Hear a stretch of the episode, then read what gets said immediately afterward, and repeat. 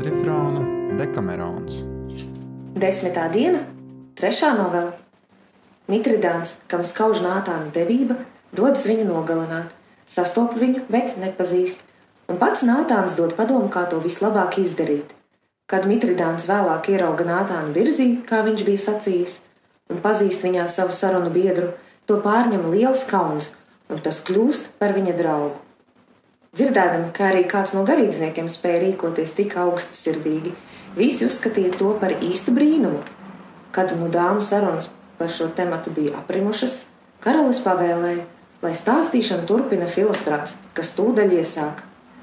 Augzimušās dāmas, liela bija Spānijas karaļa devība un kaut kas nedzirdēts abata kliņģī augstsirdība.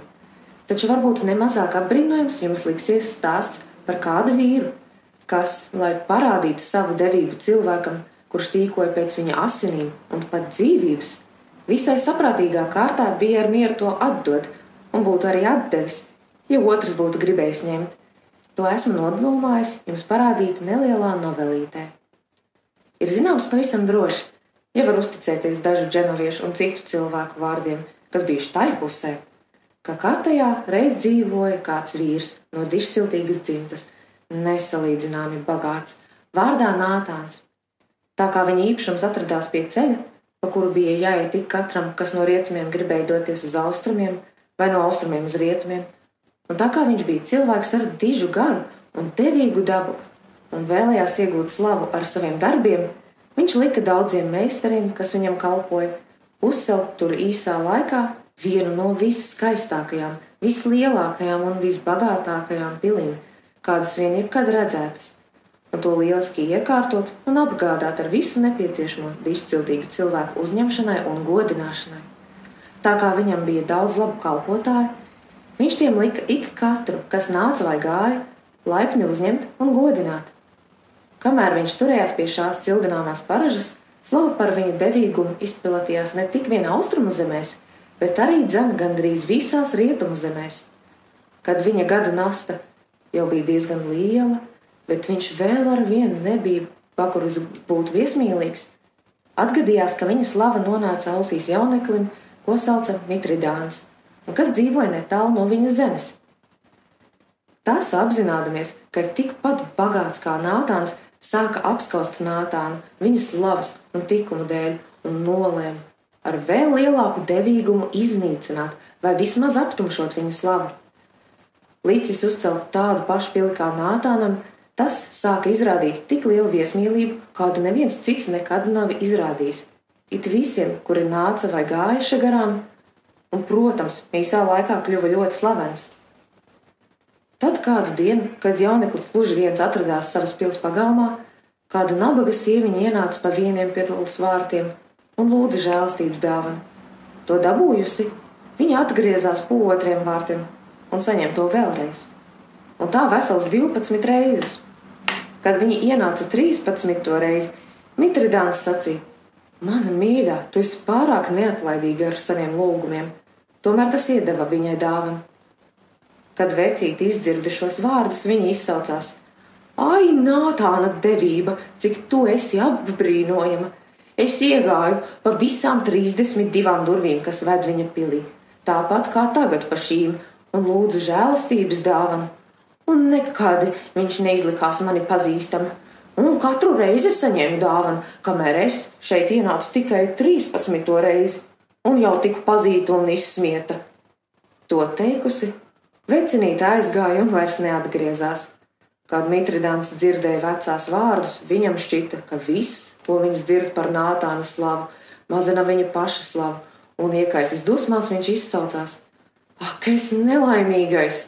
Kā gan man sasniegt Nātāna devību lielās lietās, kur nu vēl pārspēt, kā es to vēlos? Ja pat visniecīgākajās es nevaru viņam tuvoties. Patiesi visas manas pūles ir veltas, ja es nedabūju viņu projām no šīs pasaules. Un tā kā vecums viņu neaizvāc, man nāksies itin drīz to izdarīt paša rokām. Ar tādu apņemšanos viņš cēlās, un nevienam neteicis par savu nodomu, paņēmis līdzi dažus pavadoņus, uzkāpa zirgā un pēc trim dienām nonāca tajā vietā, kur Nātāns dzīvoja.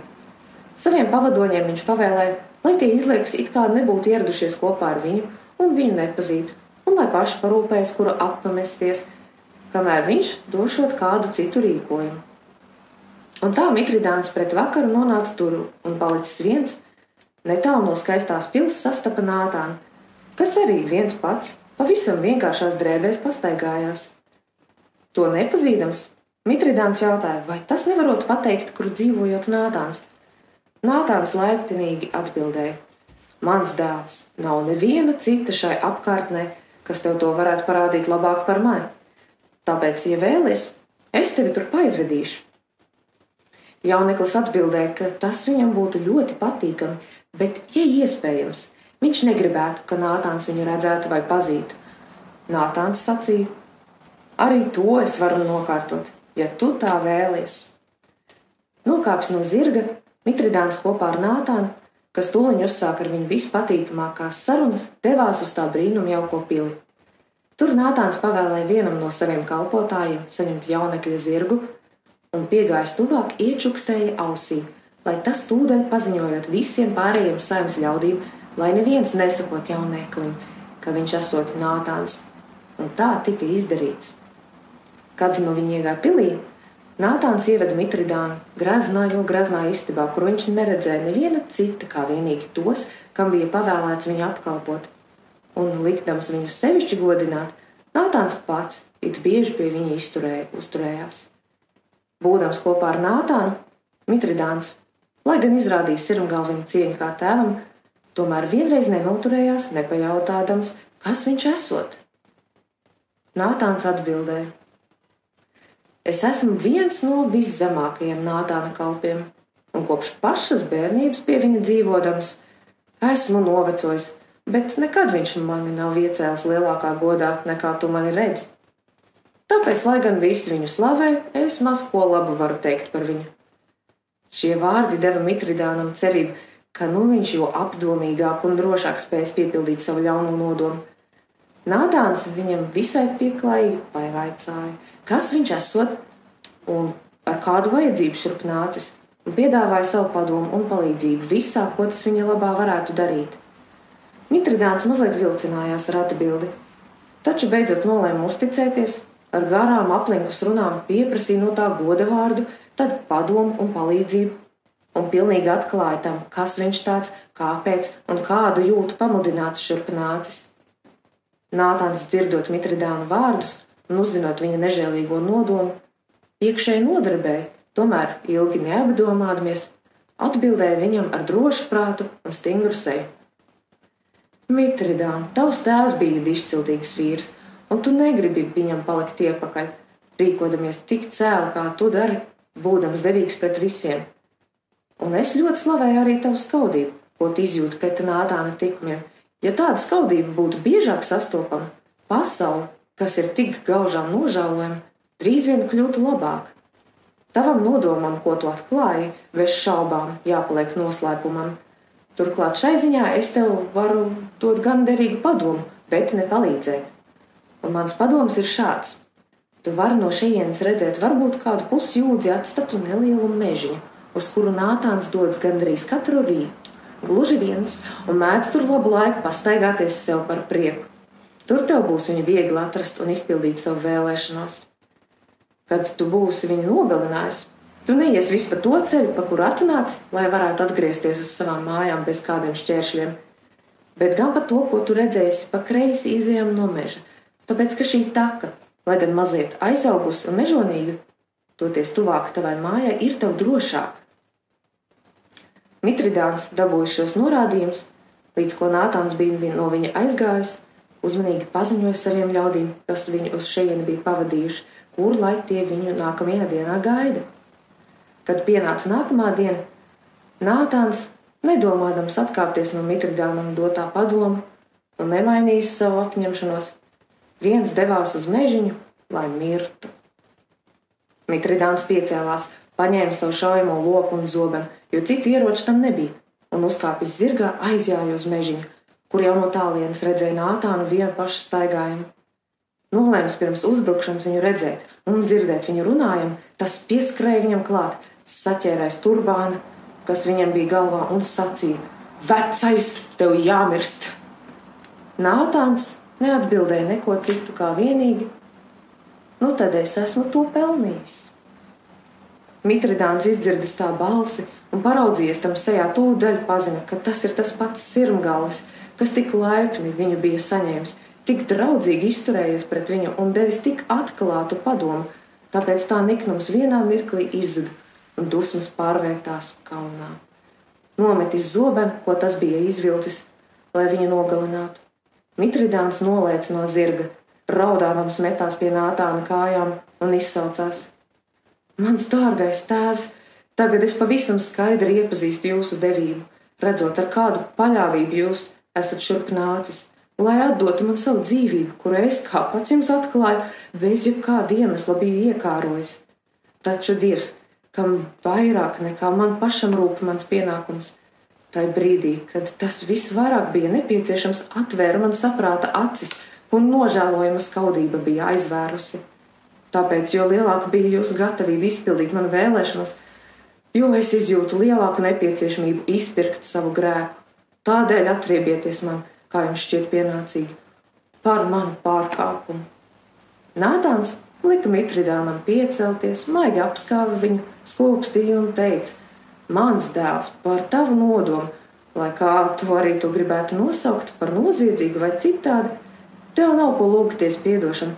Man nav tev ko piedot, jo tu to nedarīji naidu pamudināts, bet gan tā labi, lai iemantotu labāku cilvēka slavu.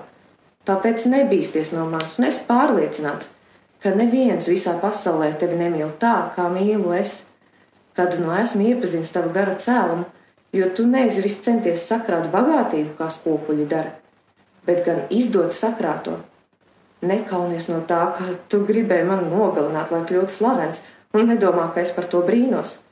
Paši dižākie imperatori un paši lielākie karaļi ne jau ar kādu citu mākslu, bet gan slepkavodami, turklāt nevis vienu, vienu cilvēku, kā tu gribēji, bet neskaitāmus, un nodedzinādami zemes un nopostīdami pilsētas ir paplašinājuši savas valstis un līdz ar to vairojuši savu slavu. Un tālāk, ja tu, lai kļūtu slavenāks, gribēji nogalināt mani vienu, tu nebiji nodomājis veikt neko apbrīnojumu, nedz ārkārtēji, bet gan kaut ko ļoti parastu. Mitridāns, nemēģinādams attaisnot savu ļauno nodomu, cildināja Nātānu godprātīgu aizbildinājumu un sarunādamies ar viņu, izteica savu visaugstāko apbrīnu, ka Nātāns varējis ko tādu pieļaut un turklāt vēl dot padomu, kā to izdarīt. Nātāns atbildēja: Mitridān, es nevēlos, lai tu brīnies par manu padomu un apņemšanos, jo kopš tā laika, kad es tiku nodomājis un nolēmis darīt ar to, ko arī dzen tu biji iesācis, manā mājā nav vienāds neviens, kuru es pēc savām iespējām nebūtu apmierinājis ar to, ko viņš prasīja. Atnāc tu un kāroja pēc manas dzīvības, tāpēc es dzirdot tevi pēc tās prasām, lai tu nebūtu vienīgais, kas aiziet no šejienes, nepiepildīs savu vēlēšanos, tūdaļ nolēma tev to dot, un lai tu to iegūtu, devu tev padomu, kāds man šķita vislabākais, lai to iegūdams mana dzīvība nezaudētu savējo.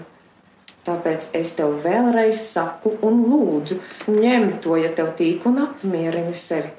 Es nezinu, kā es to vēl labāk varētu izlietot Jau 80 gadus es to izmantoju sev par prieku un mierinājumu, un zinu, ka pēc dabas noliktās kārtības, tāpat kā tas ir ar citiem cilvēkiem un vispār visu dzīvo radību, tā man var tikt atstāt tikai pavisam īsu laiku.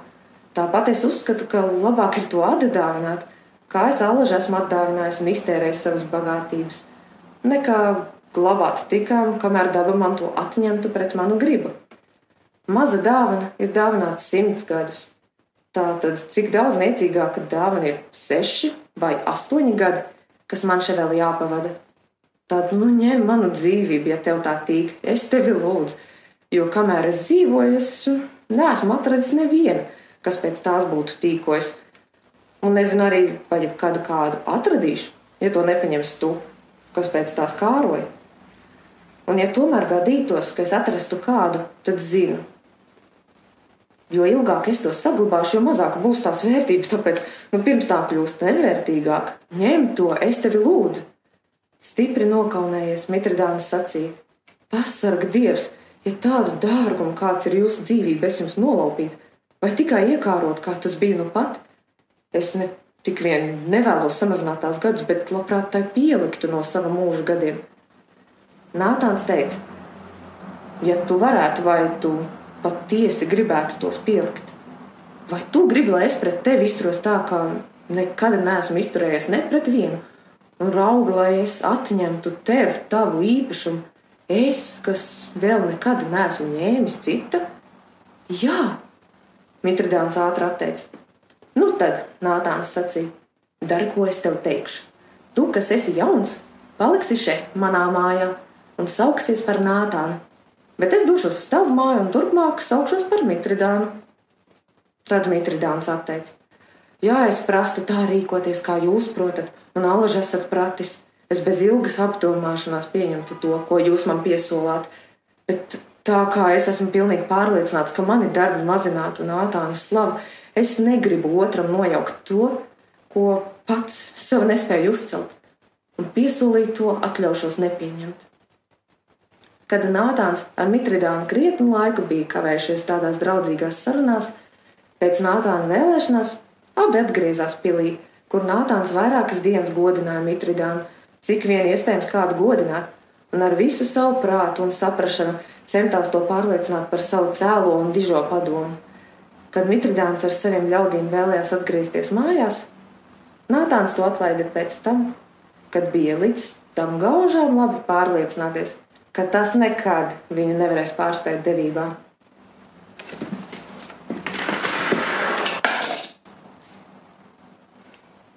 Mīļo klausītāji, paldies tev par tavu laiku un kaut par dalītu tavu uzmanību. Mani sauc Karlīna, un kas es esmu, tas ir atkarīgs no tā, kam jautā. LinkedInam es esmu IT projektu vadības asistents, kādam citam esmu tā trakā dejotāja vai tā interesantā muldoņa. Bet es ceru, ka šur tur es būtu labs cilvēks vai arī mūzika ko es daru, kur es esmu šajā laikā, šajā krēslā. Un strādāju ar šo pašu datoru. Jā, lielāko daļu laika esmu šeit. Un, ja sanāk ierauties, tad es dodos tālu, tālu prom no Rīgas, ārā. Un es ķeru vai no fotografiju, vai arī savā prātā lauku kolorītu, ir īpaši pamestās vietas, ķer to sajūtu, ka nekas nav mūžīgs un ka viss mainās. Un tveru mirkli mācos arī to. Mm. Pēdējā laikā sanāca ļoti, ļoti satikties ar sevi, arī ar to, kuru, to daļu no sevis, kuru varbūt pat negribētu satikt, bet uh, atļaušos izmantot ēteru laiku un izteikt cerību, ka jūs visi eventuāli jums visiem izdosies satikt sevi un satikt ar sevi. Jo bieži vien tas, ko mēs mēģinām sevī slēpt, ir tieši tas, kur slēpjas mūsu lielākais spēks. True story. Jā, man vajag izbiet ārā reāli. Paldies jums, mīļie! Saudzējiet sevi, lai jauka nedēļas nogala un tiksimies ielās!